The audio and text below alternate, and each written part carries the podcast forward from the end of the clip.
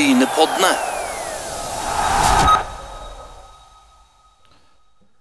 Da ønsker jeg hjertelig velkommen til Brynepoddene. Og Brynepoddene, lyden av sport litt dypere. Og i dag så skal vi ut på landeveien. Vi skal snakke med Tord Gudmestad. Men først av alt så må vi innom eh, Mikkel Bjørnstad i, i Bryne. Og, og Mikkel, eh, det gikk litt eh, på ræva der, der sør.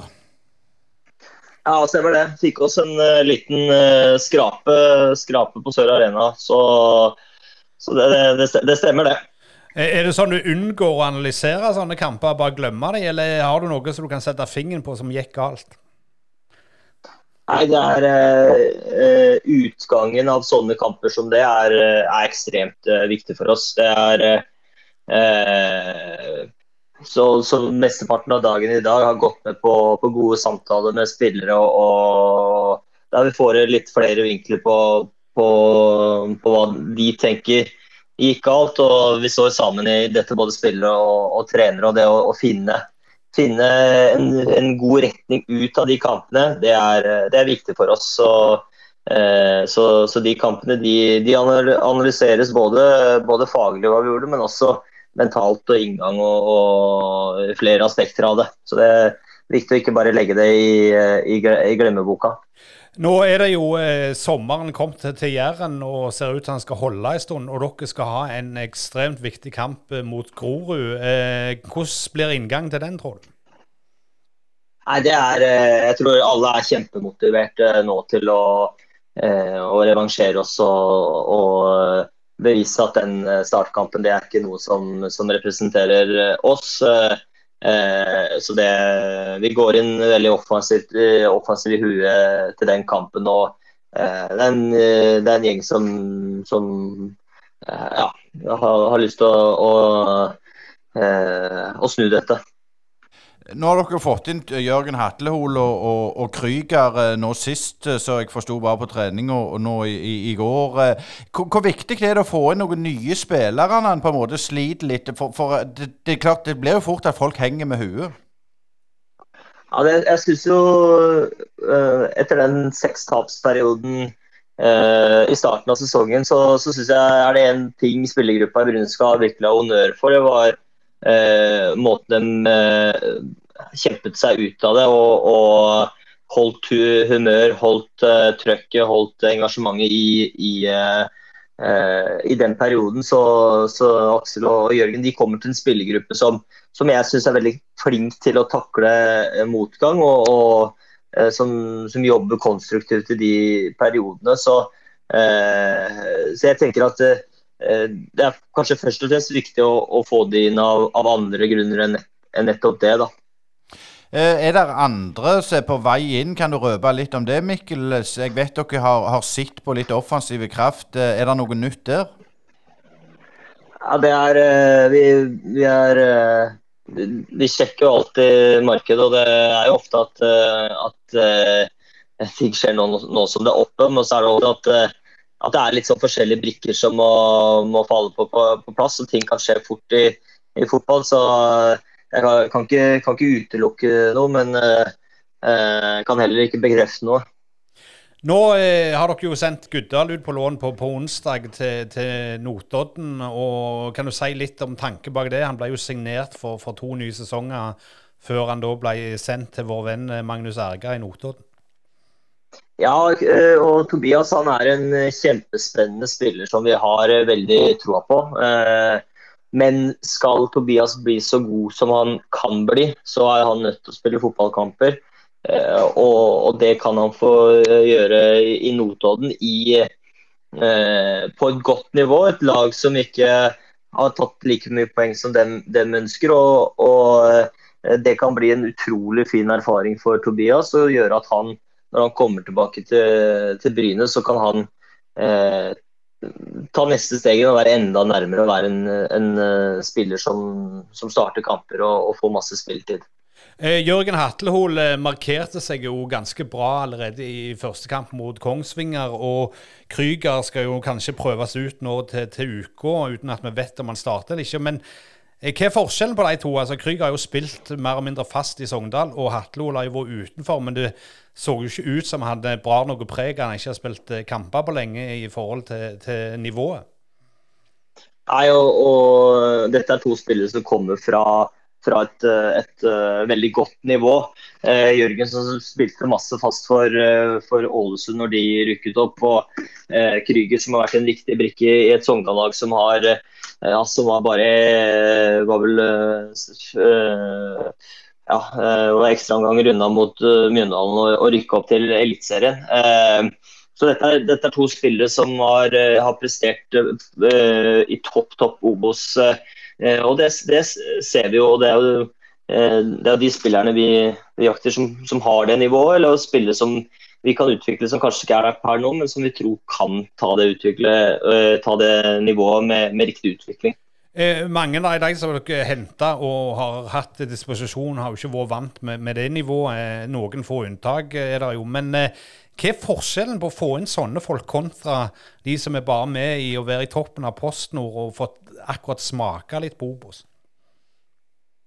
Ja, er, eh, de kommer jo med en, en, referanse på hva kreves for å, å prestere på, på det nivået, det og, og, ofte har gode ferdigheter, eh, en god mentalitet og en, eh, og en erfaring som er, som er, viktig å ha et lag. Så, så, er det viktig å ha en miks av spillere. Spillere som kan ta neste nivå, som, eh, som har en fin utvikling. og Ser vi på, eh, på mange av de lagene både i Eliteserien og, og Obos-ligaen, så er det veldig mange av de spillerne som er gode, som, som har spilt på nivå under eh, bare for noen få sesonger siden. Så, så det er viktig å ha en miks med spillere som har, har nivået inne, men også spillere som, som kan utvikle seg og, og, og ta neste nivå igjen. Og så tror jeg både Jørgen og, og Aksel kan utvikle seg godt i Bryne. og, og, eh, eh, ja, og ta, ta, et godt nivå videre også.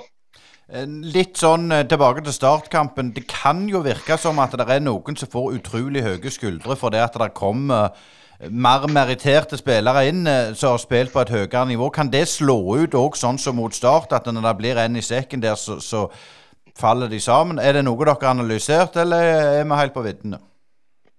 Jeg tenker at eh, Er du fotballspiller i dag, eller jobber du i fotball, både oss som trenere, og, men også som spillere, så, så, så, må du bli vant til å stå i en konkurransesituasjon. Og en konkurransesituasjon det må, det må trigge deg. Eh, eh vi ønsker å spille som, eh, som ønsker å spille på et høyere nivå enn Bryne. Som ikke bare er fornøyd med å, å, eh, å være her, men som ønsker å bli bedre hver eneste dag. og, og eh, og kanskje komme så langt ut som å spille ut, ut i Europa. Eller, eh, og da, da, er du nødt til å, å takle å stå i en konkurransesituasjon. fordi at eh, motgang og eh, utfordringer og konkurranse, det, det gjør deg bedre på sikt.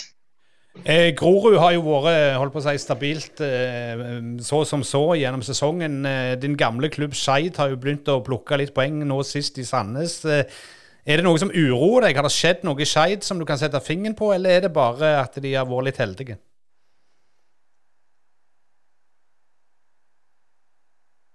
ganger å ta poeng, og nå har det løsnet litt for dem. og De, de kampene de har tatt poeng, så har de vært eh, gode også.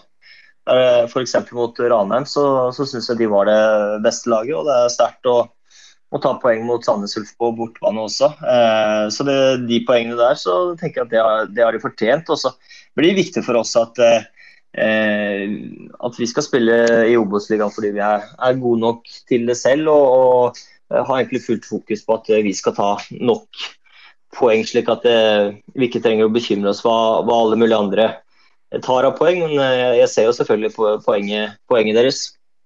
Men klart det er helt til slutt, Mikkel. Eh, du ser i avisen og, og, i ulike fora klart Fansen vil jo alltid ha treneren på et fat etter et, et, stort tap. Eh, hvordan er det på klubbhuset? Merker dere òg at det er litt, litt eh, høye skuldre, eller, eller går, det, går, det, greit og dere får, får jobbe i fred, syns du? Nei, det er jo Det som er viktig, da, det er jo at altså Kevin er jo ikke alene om dette. Eh, vi står jo sammen, eh, både vi trenerteam og, og spillergruppe. Eh, og det Vi, vi syns jo ikke vi var gøy på Sør, Sør Arena vi heller. Men for oss så handler det om kun én ting, og det handler om å, å få best mulig utgang av den kampen. Få en best mulig inngang til, til Grorudkampen og være eh, godt forberedt og, og, egentlig gjøre en så god prestasjon som vi kan, kan gjøre. Og da kommer resultatene til å komme også.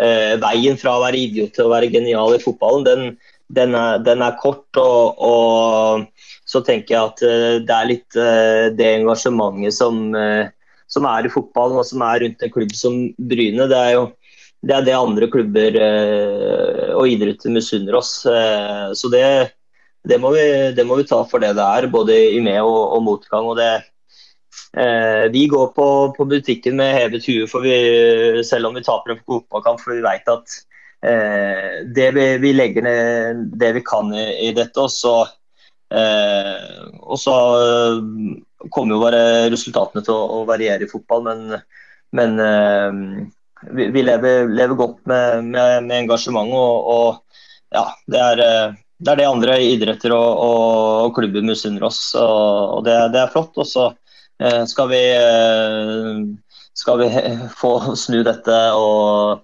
få, eh, Men vi må, vi må fortjene det positive engasjementet, og det kommer vi til å gjøre også. Bare litt videre på det, vi skal snart avslutte, Mikkel. Men klart, posisjonen til Bryne er jo bedre i år enn på samme tid i fjor. Eh, hvor mange poeng ser du for deg dere trenger å seire til? Er det noe dere går ut med?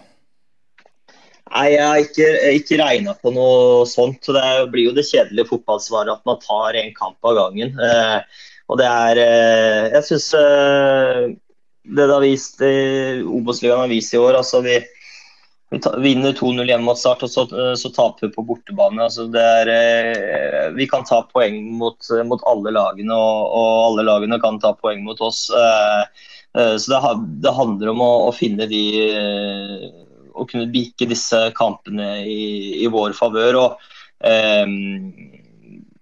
Så, så, det, så, det, handler egentlig bare om å, å gå inn i hver kamp og, og og gå for, gå for, tre poeng. og så, så, får vi gjøre opp eh, regnskapet på slutten av sesongen. og Det har jeg klokketro på kommer til å, å se positivt ut for, for, oss. Helt til slutt, er alle friske og raske? Ja, eller eh, ikke, ikke helt så der, er men det er ikke Rogby måtte ut med, en, ut med en skade, men man fikk ikke konkludert noe i, i dag, så det er litt, litt usikkert. Også. Eh, Igor også er slitt litt fortsatt med, med det, så eh, vi har ikke fått konkludert noe på skadefronten nå. Men eh, ja, vi har, eh, vi har eh, spillere som kan gå inn og, og gjøre gode jobber i, i begge posisjonene. Så eh, jeg kan ikke si at alle er 100% friske per i dag, men det kan godt være at de, de er det på, på søndag. Det var det vi hadde med Mikkel Bjørnstad. Tusen takk for at han stilte opp i, i Brynepodden. Asker, vi skal jo over til, til Tord Gudmestad og høre hva, hva, han sier til oss. Men hva tenker du om situasjonen i Bryne nå, Asker? Nei, Jeg tenker at eh, de ligger bedre an enn i fjor etter 19 runder og etter 20 runder. Så jeg er ikke veldig urolig over situasjonen. Jeg tror dette tar tid. Og vi skal ikke glemme at eh, troppen i år er stort sett spillere som har markert seg i Posto og ikke i Obos. Og du klarer ikke å bygge rom på én dag. Du klarer ikke å bygge Matningsdal på én dag. Så dette må vi bare ta og være litt tålmodige. Og så er det jo selvfølgelig en nøkkelkamp nå til helga, og vinner de den, så er det plutselig eh, fryd og gammen igjen. Det er jo da en, en søndagskamp klokka, klokka tre på Bryne stadion. Og Apropos å være utålmodige. Det er vel en kar som sykler som er òg utålmodig. Vi, vi får snart Tord Gudmestad her i Brynepodden. Brynepoddene de er på, tilbake på sykkelsetet. Og Asgeir, du har rett og slett lagd fløtekake til, til, alle oss, og der, der imponerte du. Eh, ja, jeg får håpe det. Det er dere som avgjør det. Så får vi se resultater i morgen, om dette holder eller ikke. Eh, men når vi sier vi skal til sykkel eh, opp på, på sykkelsetet, så er det jo selvfølgelig Tord Gudmestad on tour vi skal følge. Eh, vi må rett og slett ha denne først, da. Brynepoddene. Tord Gudmestad on tour presenteres i samarbeid med ECS. Teknologi for fremtidens automatisering. Ja, Tord, du er tilbake på, på studio på tur, og, og velkommen hjem igjen. Ja, tusen takk. Eh, Du har jo vært ute og, og reist og sykla litt. Eh, Vi må vel mest gå innom litt hva du har gjort siden sist vi var der. For hvis jeg husker riktig, så var du vel her eh, Da skulle du eh, sykle et ritt i, i Belgia, var det så? Eh, jeg lurer på om eh, det var NM som var neste sist jeg var her. Ja, N NM er vel ikke i Belgia, Asker? Nei, ikke foreløpig. Hadde vi vært med i EU, så hadde det kanskje vært det òg. Men, men alle skulle jo heller sykle i Belgia, vil jeg tro. Men du var i Stjørdal og, og sykla da to ritt. Eh, et for junior, eller under U23, og et senior. Kan du si litt om inngangen til NM, og hvordan du følte deg? For sist vi snakket med deg, så hadde du vært noe småsjuk. Eh, ja, jeg mener å huske at, uh, at formen var ganske på gang uh, inn til NM. Og jeg husker på U23-fellesstarten. Det er nok den beste dagen jeg har hatt på, på sykkelsetet i år. Da kjente jeg meg voldsomt sterk. Men ja, det var vel litt hvordan vi kjørte med lag og sånn som gjorde at det ble som det ble. Og vi fikk jo gullet til laget sånn som med sko. så det var sånn sett godt, det, altså. Eh, kan du si litt om, om, om løypa? Var det ei løype som passet deg? Vi har jo et eh, ganske spesielt land med, med ulike terreng, og vi vet jo at du er en spurter og ikke ei fjellgeit. Men, men hvordan var den løypa der i, i NM?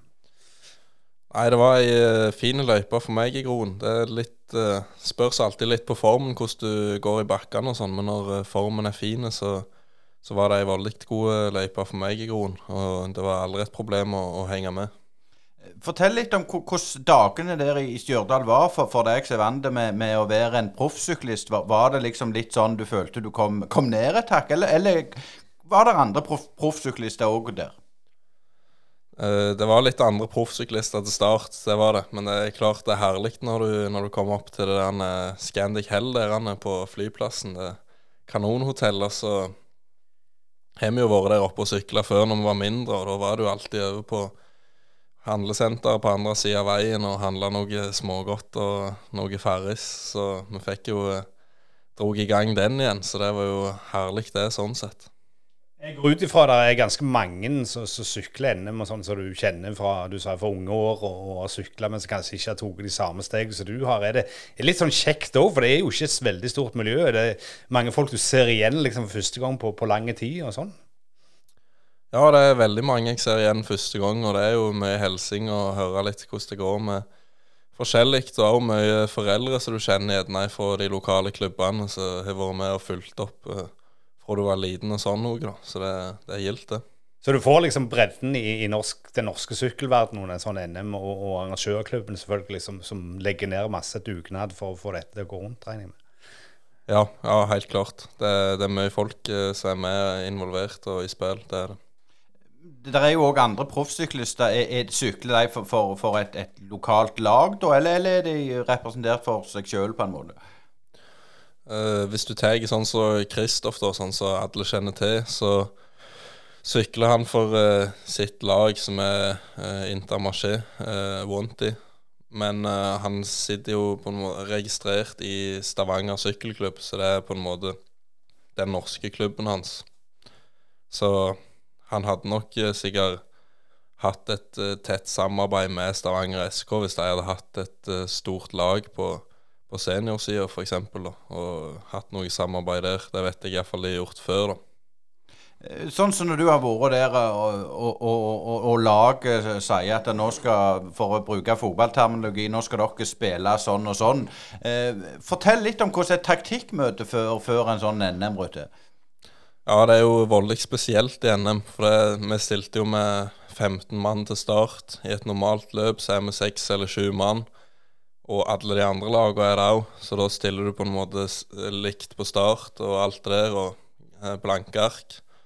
Men her så er vi 15 mann, mens eh, de andre er maks en Jeg vet ikke om det største laget utenom var sju mann, men de er nok eh, noen Vi er jo proffe, de er på et nivå unna. Så det er klart alle ser jo mot oss og sånn, så da må jo ledelsen på en måte klekke ut en plan hvor alle s- blir spilt ut best mulig. Eh, og du får brukt styrkene til, til laget godt og sånn, da, eh, for å vinne.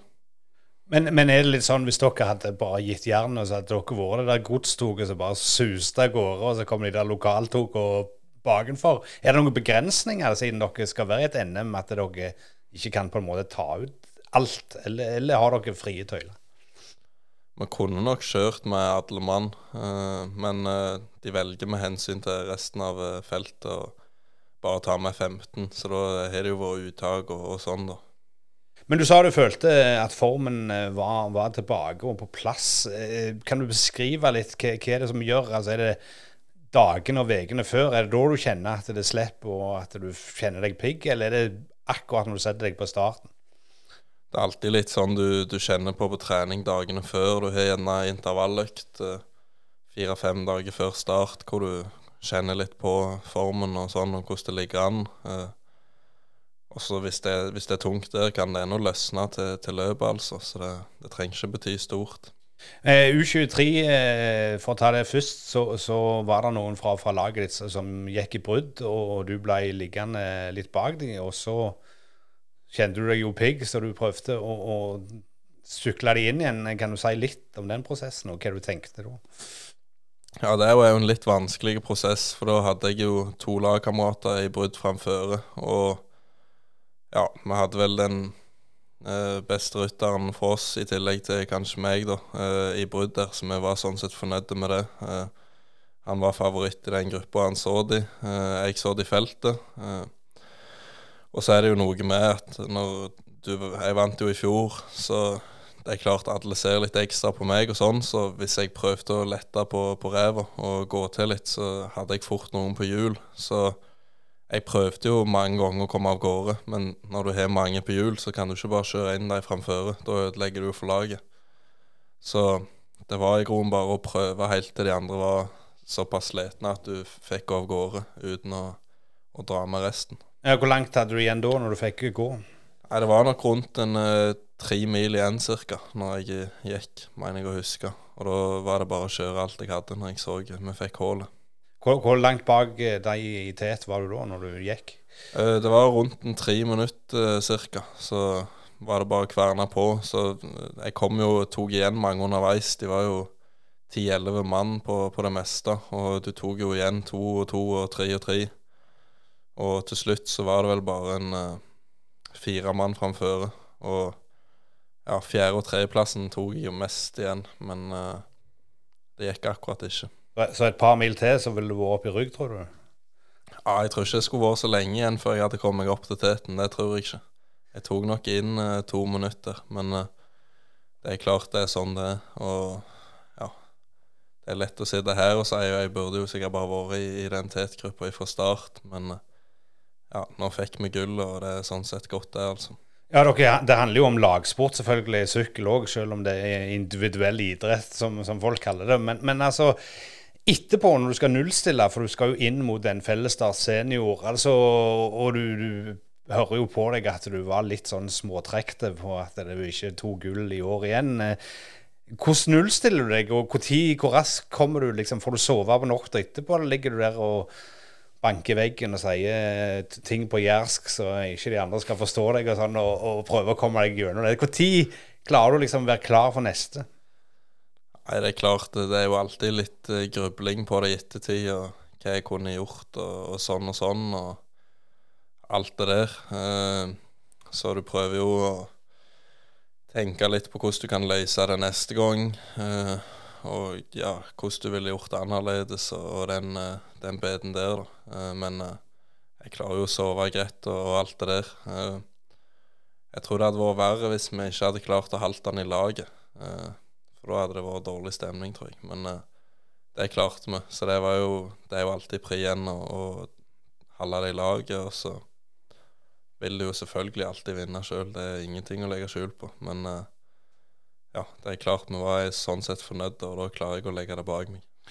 Men hvis jeg, hvis jeg, eh, oppfatter det riktig, en spurter er på en måte det samme som en spiss. Eh, hvis laget vinner, så er det bra, hvis, men hvis spissen ikke skårer, så er han litt sur. Men hvis han skårer og de vinner, og skårer seiersmål, så er alt bra. Er det litt sånn i sykkel òg? Det er vel farlig å si, men det, det, er vel alltid litt sånn det at det er klart, det er klart du vil vinne sjøl òg. Det, det, er noe med det. og det er vel mye det som driver meg i, i trening og sånn sett òg. Så jeg tror det er nok litt forskjell på, på hvilken rytter du er, ja. Men uh, for meg så er det, er det, sånn, og det har alltid vært sånn at det, du har alltid litt ekstra lyst til å ta det sjøl. Det har du.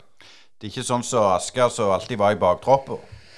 Eh, nei, eller på bekken. Eh, men, men Tord, jeg har litt lyst til å høre hvordan fungerer dette i laget etter sånn løp? Har dere sånn debrief å gå gjennom løpet og analysere, eller, eller, er det opp til hver enkelt mer å, å komme og finne ut hva som kunne vært bedre?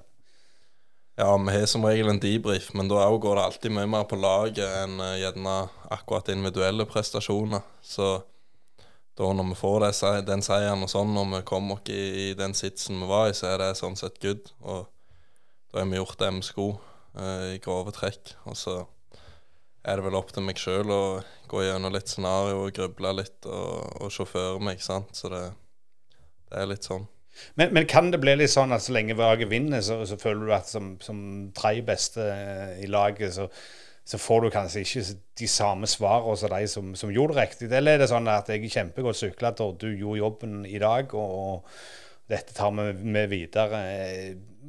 Er, er, er, det bra nok sånn i, i, generelt, nå snakker jeg ikke bare om Uno X, men generelt i sykkelsporten, at det, ser en bare på den som vinner, eller ser en liksom lag i helhet? Så lenge det går inn, så er det greit, liksom?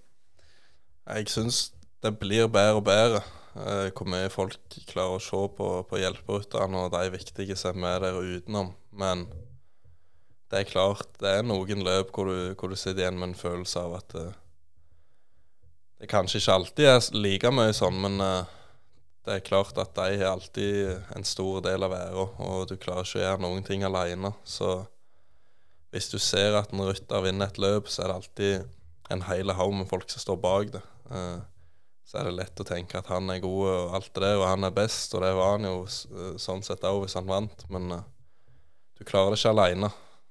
Men, men, når du først er inne på hjelperytterne her, det er jo folk som i sykkelsporten blir den evige hjelperytteren, som, som, aldri kommer på et podium, som, som henter og drar folk opp igjen etter de har punktert osv. Altså, Glemmer en litt de av og til, han der han som alltid kom inn liksom i bussen eller på 198.-plass i, i løpet og, og, og, gjorde den jobben, altså utenfor.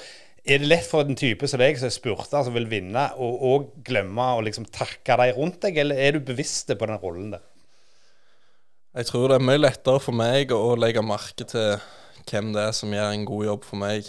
Så det, jeg har aldri følt det er et problem. Eh, da ser du helt tydelig hvem som kjører, og hvor mye de legger i det. og sånn.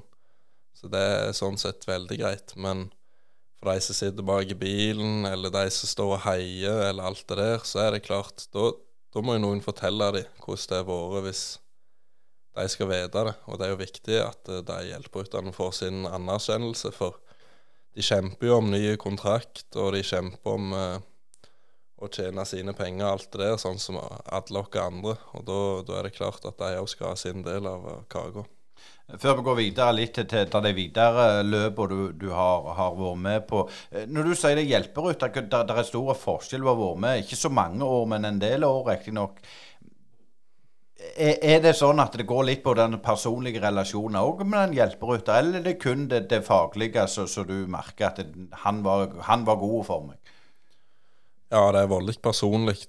Du kan dra kjempestor fordel av å, å, kjenne godt eh, de som skal hjelpe deg. Eh, det kan godt være de går litt mer inn for det da, hvis de, hvis de liker deg godt. Og så er det òg litt en enda bedre følelse hvis du lykkes, og enda mer guts inn i det, og, og enda mer med, med, alt du kan inn i det. Så det er klart det, det er en stor fordel. og det handler jo litt om det med relasjoner sånn, og det er viktig at et lag har godt samhold og fungerer godt i hop. Hvis ikke, så, så blir det ikke godt. Og så var det da over på, på fellesstarten for, for, de, for, for, de voksne, holdt jeg på å si. Eh, dere sykla vel i sirkler der i samme løype rundt og rundt. Eh, sånn For din egen del, hva, liker du best? Altså, er det, de, det, er jo publikumsvennlig når dere går i, i, samme runden og folk kan stå der og ikke bare se dere fære forbi, og så ser de ikke noe mer til dere før, de, før de ser dere i mål på fjernsynet. Men sånn, sånn, personlig, hva liker du best? Er det å sykle en runde, eller liker du best å sykle på en måte fra A til B? Eh, Jeg liker i grunnen eh, godt sånne runder. Da vet du godt hva som venter deg til alle tider, eh, stort sett. Og du kan eh, gå gjennom det opplegget mange ganger, eller det oppløpet eh, mange ganger i hodet på vei inn mot mål, og se for deg hvordan du skal gjøre det. Og teste litt forskjellig hver runde, se hva som funker. Så hvis du på en måte er god på det, og drar nytte av det at dere sykler mange runder der, og klarer å dra med deg det til en fordel, så, så liker jeg godt det, altså. Og hvordan kjente du deg inn mot eh, den, den fellesstarten? Nei, jeg kjente meg vel egentlig fin inn mot eh, fellesstarten òg, og hadde jo forhåpninger. Det hadde jeg jo. Men hadde det vært for din egen del, altså nå, nå vet vi at du, du vant jo ikke den, og, og var vel ikke med i, helt i slutten heller. Men eh, er det noe som du, du, du Er det noe du føler du må snart ha noe sånn titler à la NM for seniorer for, for, for å tikke det neste hakk? Er det, er det sånn personlig veldig viktig for deg å få tikke av den, liksom, og ha den trøya gjennom sesongen? Så eh, på grunn av at jeg allerede tok i junior U23-en, så tror jeg det, det hadde vært fint å fått hele rekka, altså. Eh, men det er ikke noe som springer av for meg. Men det er alltid noe spesielt med NM. Du har alltid lyst til å, å ta den uh, trøya. Det er ingen tvil om det, altså. Men for, for utenforstående, kan du si litt om altså I NM før i tida var jo veldig svært i, i alle idretter. altså, og Til og med kretsmesterskapet betydde jo noe. I dag så ser en mer ut på de større tingene. Hvor, hvor ligger NM i sykkelsporten sånn rangeringsmessig, syns du? Jeg vil si hvis du vinner det, så ligger det ganske høyt. For da får du kjøre med den der trøya hele året. Og det er jo noe spesielt i det, altså. Å kunne trene med den, kjøre løp i den og alt det der. Men hvis du blir nummer to eller tre, så er det jo litt begrensa hva det har- å bety. Men er det det at, at, at det på en måte andre ryttere òg Nei, andre lag òg legger merke til at den som har vinnerskjorta, at det, det betyr noe den veien òg? Ja, helt klart. Du lærer deg jo hva rytter som sykler rundt i NM-trøya i løpet av det neste året han sykler i det. Så det får du jo med deg. Så kan du si litt om, om selve løpet, hvordan det utvikla seg. Og, og du sa du følte deg pigg. Kan du si litt om selve løpet der som du gjennomførte?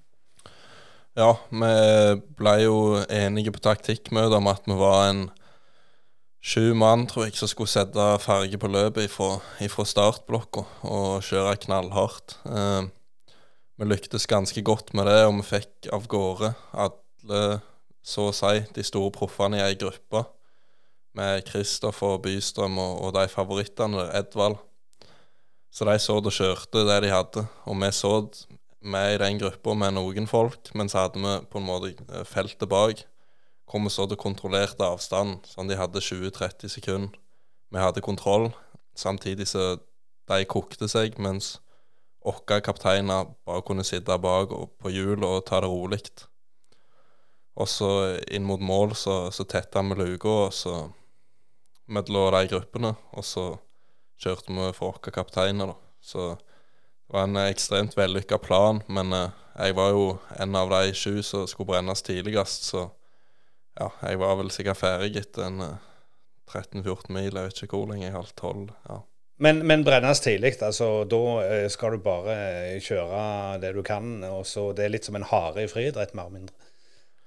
Ja, på mange måter, og på en måte få lokka med seg proffene litt og alt det der, da. Eh, Jeg stiller nok til start litt som en sånn så gjerne de ser på som en liten joker òg. Har en god avslutning og kan fint sitte med inn i den løypa der. Så da når alle proffene ser at jeg løfter på rumpa sammen med alle klubbrytterne, så gjør nok det noe med hodet deres òg, og hvilken innstilling de får til, til hvordan løpet kommer til å utvikle seg. Og de er nok gjerne litt overraska. Så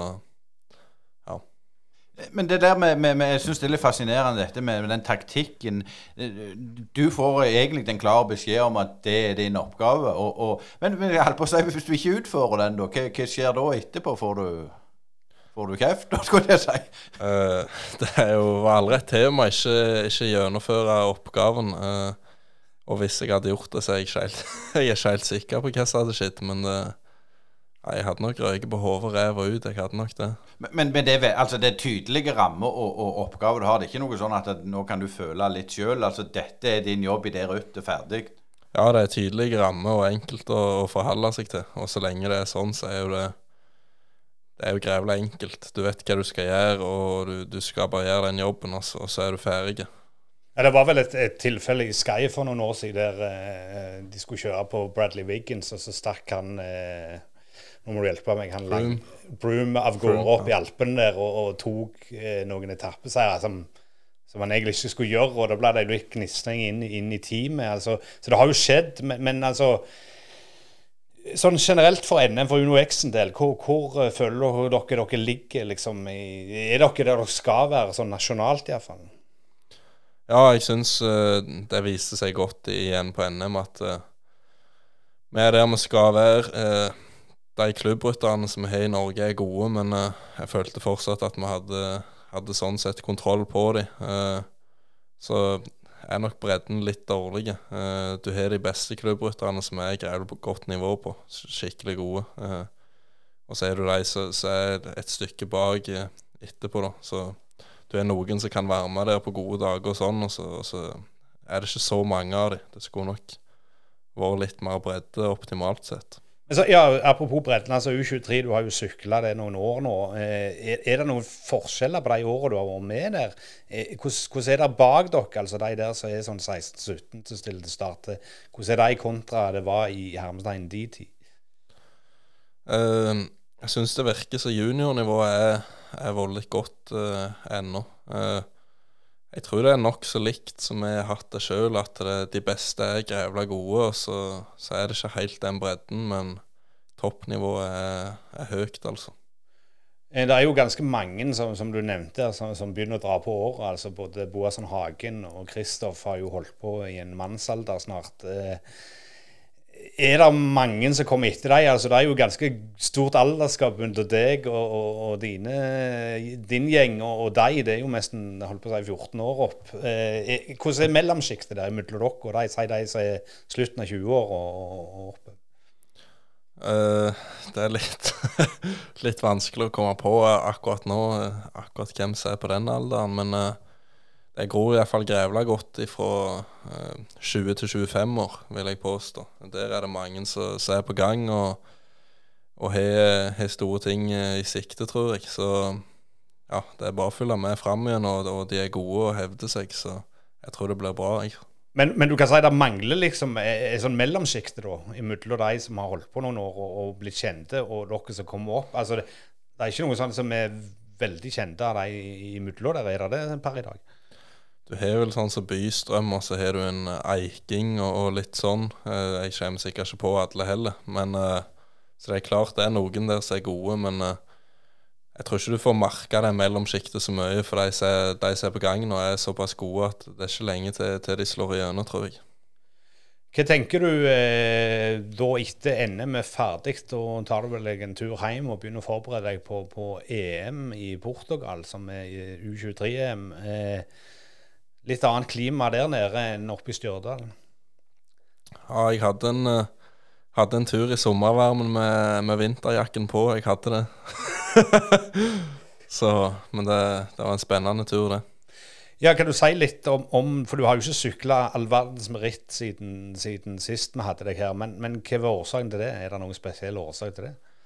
Ja, Det er generelt lite ritt på sommeren. Hvis du ikke er med i Tour de France, så, så er det som regel et opphold der for, for alle og enhver. Så det var vel ikke noe mer spesielt enn det, egentlig. Uh, Sykla EM, og så har jeg egentlig fått trent godt etter det. Så begynner neste del av sesongen nå, snart. Ja, nå vil jeg snakke litt her eh, om, om EM. For det er klart det, det Fortell litt om, om for EM U23, selv om det ikke er senior, så, vil jeg jo tro at det er et sirkus allikevel. Hvordan var det for en enkel sjel fra, fra Jæren å få, oppleve det? Uh, heldigvis jeg var med på, på, EM og VM før i juniorklasse, så jeg syns ikke det var noe sånn uh, spesielt. Jeg ser mer på det som et vanlig ritt. og ja, en hel del av de proffrittene jeg sykler, har mye høyere nivå enn en U23-EM har. Så Sånn sett kan du mest si det er et steg ned i forhold til mange av løpene jeg sykler, så jeg ser nok mer eller mindre på det som et vanlig løp, men så vet jeg at uh, hvis du vinner, så er det ei god gulrot der, altså. Det, det, er det ingen tvil om, for det henger nok høyt i forhold til hvor nivået ligger, sånn, sånn sett. Og, igjen så har du jo ei egen trøye du får lov å sykle med hvis du, hvis du, vinner det. Men kan du si litt om det teamet du var med der? For det er vel eh, nasjonsbasert og ikke lagbasert, det, det er U23? Ja, jeg var nede med Norge sitt eh, landslag. Det var jeg. Så ja, vi har jo mye av de samme støtteapparatene, og du, du, kjenner de fra tidligere og, vet hvem de er. og De sportsdirektørene og sånn hun har du jo sett i alle år, så du, du vet godt hvem de er. Så det er ikke noen store utfordringer der, og, det flyter godt uh, sånn sett. Og det var eh, godt opplegg der, altså. Det var det. Nå ligger jo Portugal med, med Atlanterhavet, men med samme klima som en vandemenn ned som bor rundt Middelhavet. Det var vel så å gå i litt en vegg der og være der nede i sommerstid? Ja, det var fryktelig varmt. Eh, vi hadde bl.a. en langtur tre dager før eh, EM, hvor vi sykla seks timer. og Da var det siste tre timene mener jeg vi hadde snittemperatur på 40 eller 41.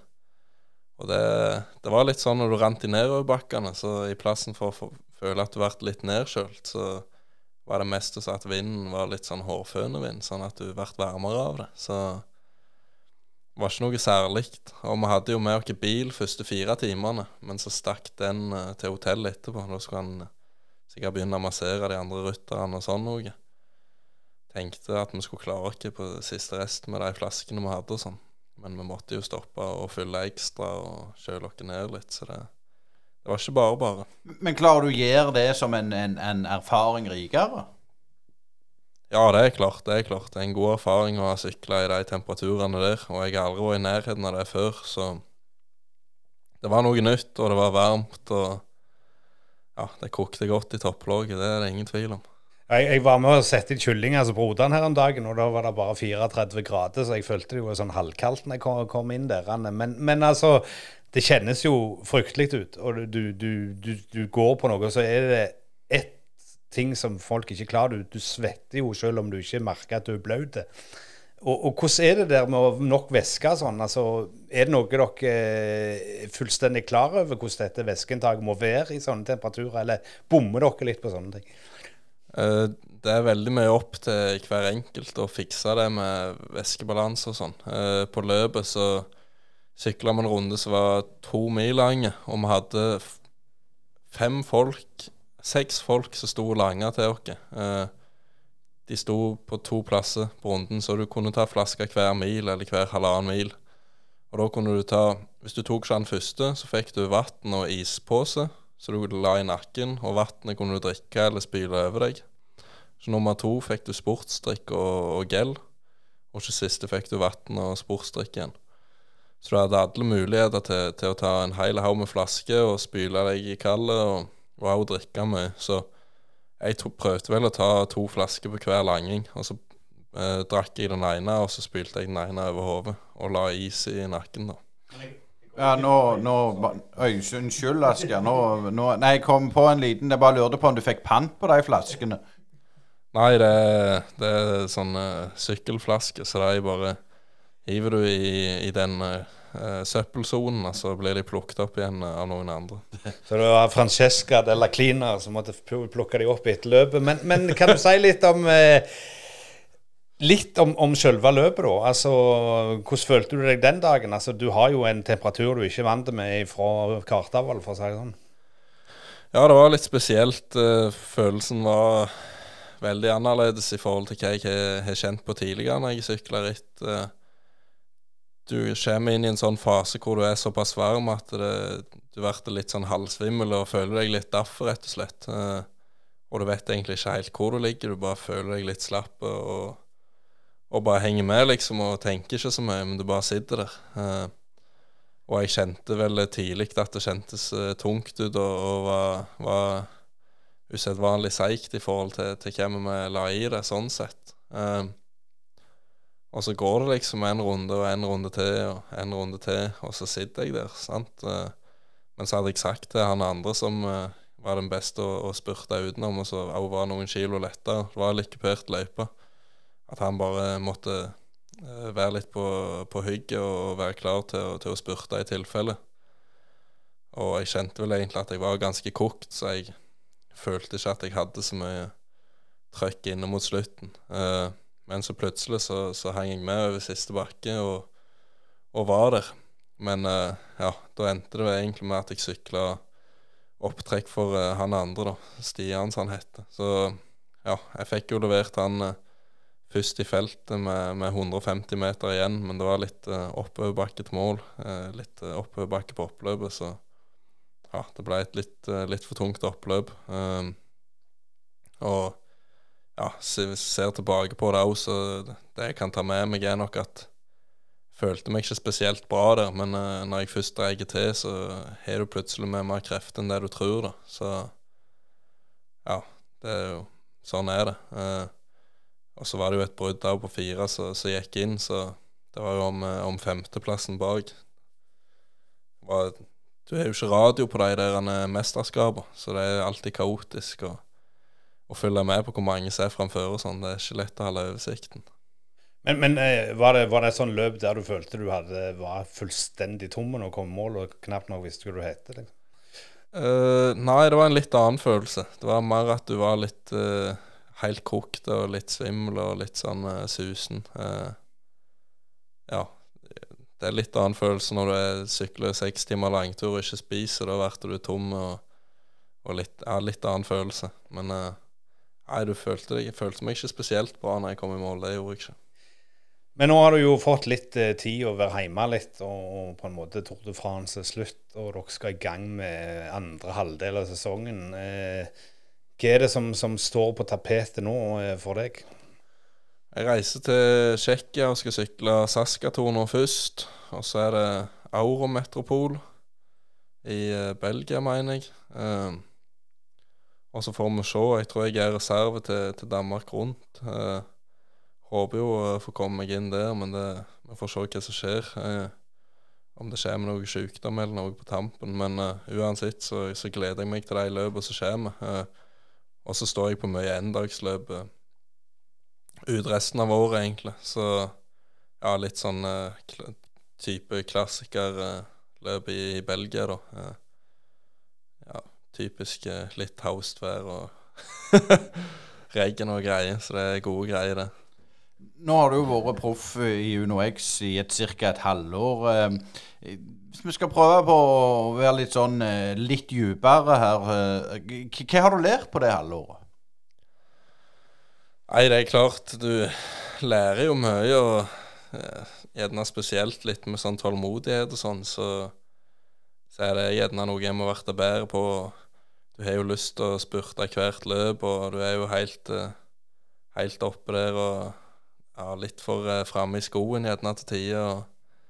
Jeg skulle helst ønske du kunne gjort uh, alt mulig i år, vet du. Og, ja, så det er jo litt med det å være tålmodig og sånn. Og så ja, har jeg jo lagt ned jobben og alt det der, så det kommer jo litt og litt progresjon. Så ja, det er jo bare å ta steg, og sånn sett så kommer jo sjansene med tida.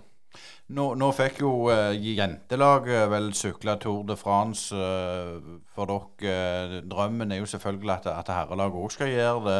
Men hvor motiverende var det det når du så at jentene fikk sykle?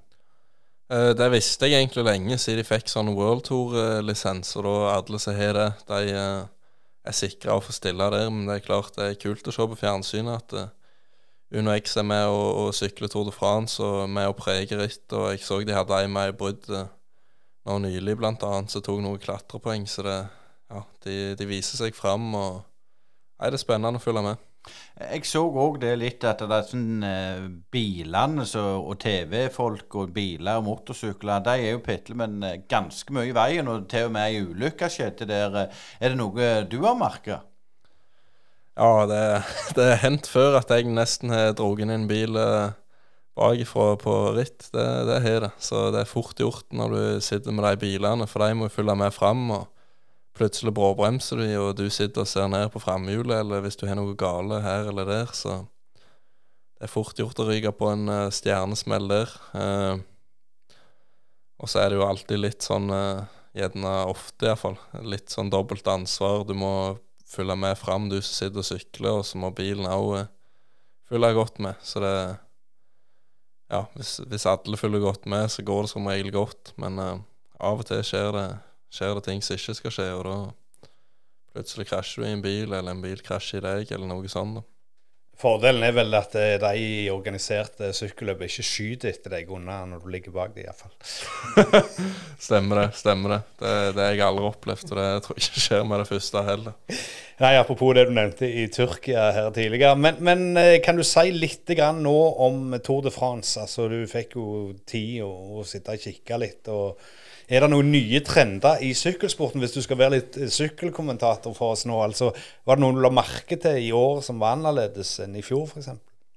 Uh, det er jo litt vanskelig å si, men du ser jo at uh, de beste er der litt hver dag og, og blander seg inn. og Du så bl.a. Pogacar eh, prøvde seg på noen av de flate dagene og var med og yppa seg. og ja, de beste får til, til grevla mye, da. Så de kan være gode både på halvkuperte, og de er best i de lange fjellene og på, og på tempo. og Nei, så det er spennende å følge med. Det er det. Og så har du jo Det var ikke så mange spurter i årets tour. Det var en hard utgave. Så for Christer for deg så var det, var det tungt å fullføre og komme seg gjennom eh, innen tidsgrenser hver dag. Så jeg snakket litt med han, og han sa at det, det var ikke bare bare å, å dra gjennom. Og han er jo en av de spurterne som er kjøresterke og har en enorm motor, så det er nok eh, andre det var enda verre for.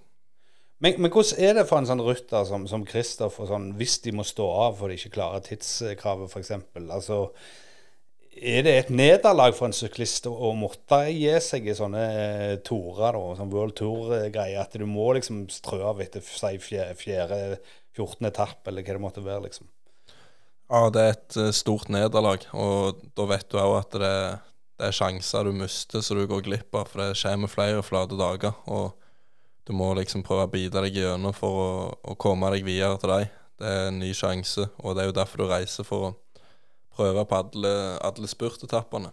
Så hvis du ryker ut, så er det et stort nederlag. Eh, og det gjelder også for hjelperytterne. Det er jo folk som kvelter av og til, eller får mageproblemer sånn de ikke klarer å ta opp næring og sånne ting. Og da har de gjerne flere dager på rad hvor de bare sliter seg gjennom det de vinner. Eh, og til slutt ryker gjerne strikken, men uh, de kjemper til, til, siste slutt, altså. Det sitter langt inne og stopper midt i toren sånn. Men du har jo vært med i, i sykkelsporten en del år nå, og, og, var det noen som du holdt på å si har sykla mot, som du kjenner som, som, stilte til start der? Og hvordan er den følelsen med folk som er omtrent på din alder, som får være med på dette sirkuset? Ja, blant annet han som vant VM når vi var siste års junior, var med i toren. Uh, han viste seg jo voldelig godt fram og var i brudd uh, mange, mange dager. Uh, så han kjørte fryktelig sterkt. Og så er det jo å følge med på Alex, da, som er den legenden han er. så nei, det er spennende, det. Jeg sitter jo alltid og heier litt på han og håper han skal få det til, men jeg vet jo at det, de aller raskeste er fryktelig raske og har gode lag rundt seg, så det er ikke lett å hevde seg helt opp i, i de spurtene der. Men, men, hvis du hadde nå vært med, hvis du og X hadde vært med, og du hadde stilt til start, altså hvordan, hvordan tror du du hadde takla den der løypa sjøl, eh, ut ifra det du kjenner til? Uh, jeg tror, det, tror fort det kunne vært tungt ut på siste uka der. Det tror jeg. Uh, uten å vite. Men uh, de, de som er der, har mange, mange år med trening på, på baken, for å si det sånn. Så ja, jeg vet ikke. Du liker jo alltid å håpe og tro at du hadde kommet gjennom, men det er vanskelig å si. Du må jo bare si at du hadde vunnet. Det, det, er, det er, liksom det letteste.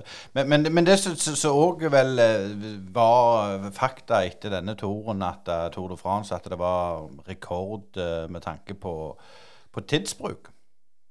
Ja, eller de sykla iallfall rekordfort i kilometer i timen. Jeg tror de hadde noen og 40 i snitt gjennom hele, hele toren. 41-42, så det var en, en rask tor. Ja, Det er jo mest så de trimte mopedene på Nærbø i glansdagen dette her, med 40 km. Men, men, kan du si litt om, om, denne høstsesongen? Hvordan føler du deg nå? Du var jo litt syk i vår, eh, gikk ikke helt etter planen, og du er jo en, en vinnerskalle. Hvor, hvor føler du du ligger i løypa fører den siste halvdelen av året?